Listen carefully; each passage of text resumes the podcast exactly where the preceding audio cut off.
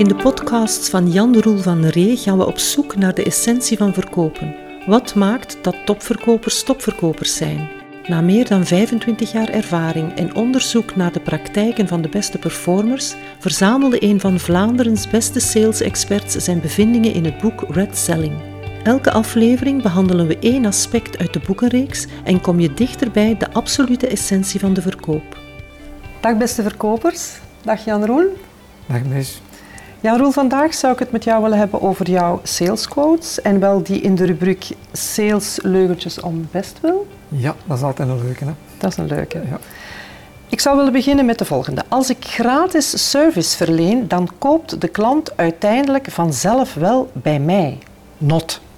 Erbij. Ja, dat is een hele mooie. En om te beginnen wil ik eens een heel praktisch voorbeeld daarvan geven. Ik ben eens met een verkoper mee geweest, de baan op. En we komen bij een schooldirecteur van een middelbare school. En het verkoopgesprek begint en op een bepaald moment zegt die directeur... Ah, maar de vorige levering, die staat hier nog klaar. Dan ontbreken we vier stoelen de doppen op de poten. En de mens zegt, ah, zegt hij, dan ga ik nu direct die doppen halen voor u. En die dacht dus, als ik die service leen, verleen, zal ik straks wel beter verkopen. Dus die zegt tegen mij, kom, we zijn weg. Die onderbreekt dat gesprek. Die stapt in zijn auto, een uur heen, een uur terug en dan komt met die, met die doppen van die stoelen terug binnen. Wel, de directeur was zelfs al vertrokken.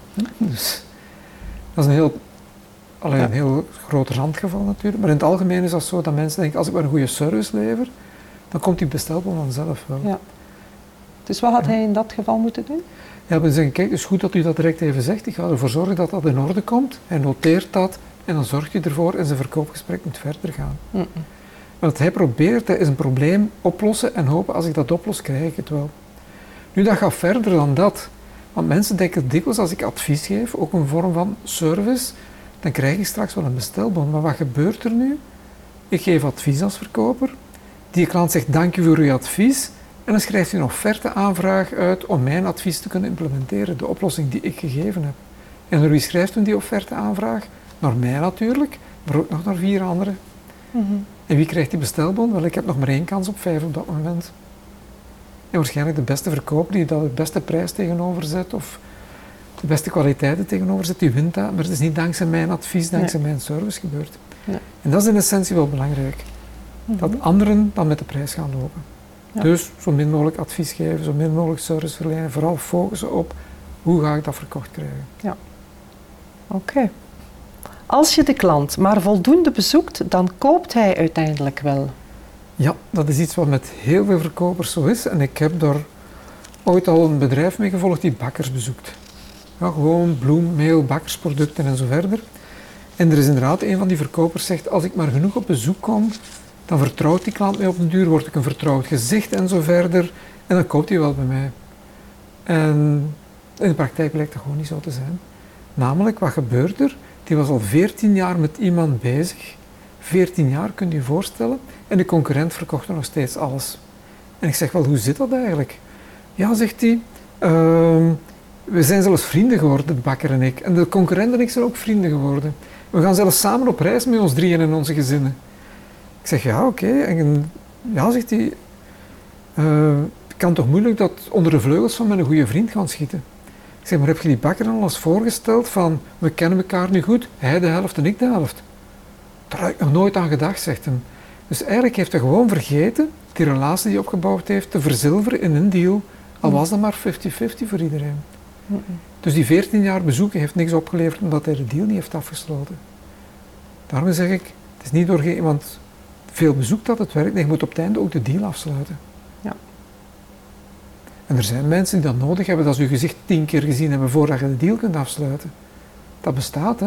Maar het is niet door die tien keer te bezoeken dat je wint, maar het is door de deal na tien keer af te sluiten dat je, dat je wint.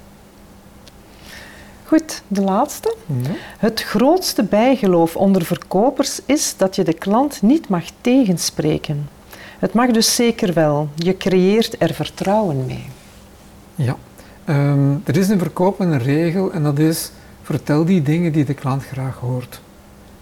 Als hij graag iets groen heeft, laat de groene dingen zien. Als hij graag iets blauw heeft, laat blauwe dingen zien en zo verder. En daar zit tegenspreken niet in en veel verkopers durven dat ook dikwijls niet. Uh, wat ik heb gemerkt in mijn praktijk is, spreek die klant tegen en dat creëert vertrouwen omdat hij ook ziet dat je ruggengraat hebt en dat je durft. En dan weet je ook van ik ben niet met een verkoper bezig, maar een echte zakenpartner die ook met mij in overleg gaat en ook durft tegenspreken als het nodig mhm. is. Mhm. Heb je daar een voorbeeld van? Uh, ja, ik heb ooit een voorbeeld gehad van uh, iemand die verkoopt tevredenheidsenquêtes. Ja, Zo'n dienst die mhm. bepaalde bedrijven doen, dat zijn callcenters meestal. En op een bepaald moment zegt die klant, ah maar ik wil dat zo doen zoals Microsoft dat doet. En die legt dus uit hoe Microsoft dat doet. En die verkoper die zegt, uh, dat gaan we niet doen zo. Want, en hij geeft een uitleg waarom dat niet zo is. En, het, en hij zegt, dus ik stel voor dat we het op onze methode doen, dat past veel beter met u. En die klant heeft de deal getekend. Gewoon omdat hij zag van, dit is niet iemand die mij naar de mond praat, mm. maar dat is iemand die mij op een serieuze manier behandelt en voor mij het beste wil doen. Meer was dat niet. En wat doet een verkoper met uh, iemand die dat daar niet tegen kan? Uh, als iemand daar niet tegen kan, dan ga je dat empathisch oplossen. Dan zeg je, kijk, je wilt natuurlijk de beste methode hebben uh, die past voor je bedrijf. En ik denk dat Microsoft een bepaalde referentie daar is. En ik heb nog andere referenties, zoals die of die of die. En dan voeg ik toe aan Microsoft, zodat de klant beter kan kiezen. Met natuurlijk op die manier dat die andere methode er beter uitkomt die van Microsoft.